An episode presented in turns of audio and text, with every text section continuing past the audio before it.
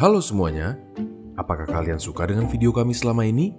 Jika kalian ingin membuka kesempatan agar kami bisa membuat lebih banyak video edukasi lagi, kalian bisa mendukung kami lewat karyakarsa.com slash neuronmedia dan mendapatkan berbagai macam hadiah seperti wallpaper, live Q&A, storyboard, dan lain-lainnya sebagai bentuk terima kasih dari kami. Yuk, bantu kami cerdaskan bangsa ya. Sekarang kita masuk ke topik kali ini. Siapa di antara kita yang tidak tahu apa itu video porno? Begitu banyak pendapat seputar hal tersebut dan kami rasa kami pun perlu membahasnya dari sisi kesehatan. Benar, dari sisi kesehatan dan terbatas hanya pada sisi kesehatan seperti yang kami lakukan pada biasanya. Jadi, kembali kepada pertanyaan yang sudah kami tulis di judul video ini, sebenarnya apa dampak video porno terhadap badan kita?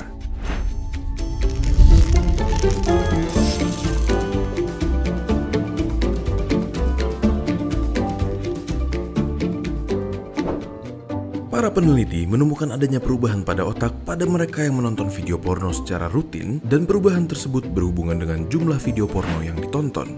Lebih tinggi konsumsi video porno berhubungan dengan berkurangnya gray matter yang merupakan bagian penting dari sistem saraf kita. Pengurangan tersebut terjadi di bagian otak kita yang merupakan wilayah yang berhubungan dengan imbalan, yang berarti lebih sedikit jumlah koneksi saraf, yang berarti lambatnya aktivitas imbalan atau mati rasa pada respon kepuasan. Seperti kecanduan lainnya, semakin banyak porno yang kalian tonton, semakin butuh paparan lebih untuk merasakan apa yang semula kalian rasakan hanya dengan paparan yang sedikit. Dengan kata lain, kalian jadi lebih tidak sensitif. Apakah kalian tahu, pada saat terdapat peningkatan jumlah kasus seksual seperti disfungsi ereksi, di mana laki-laki tidak dapat mendapatkan ereksi, pada saat yang bersamaan, terpublikasi berbagai penelitian mengenai hubungan kecanduan porno terhadap masalah seksual. Ketersediaan porno di internet pada zaman sekarang memungkinkan pengguna internet untuk mempertahankan tingkat kerangsangan yang dirasakan dan hal itu beriringan dengan kenaikan dopamin selama periode yang lebih lama. Keadaan di mana tingkat dopamin tinggi terlibat dalam kondisi perilaku seksual yang tidak terduga pada manusia maupun binatang. Suatu penelitian menyatakan bahwa konsumsi porno berhubungan dengan disfungsi kontrol terhadap impuls seperti agresi seksual. Terlebih lagi, penelitian yang pernah dilakukan kepada mahasiswa menunjukkan bahwa mereka yang tidak berpartisipasi dalam kegiatan seksual secara online lebih puas dengan kehidupan mereka dan lebih terhubung dengan keluarga dan teman-teman.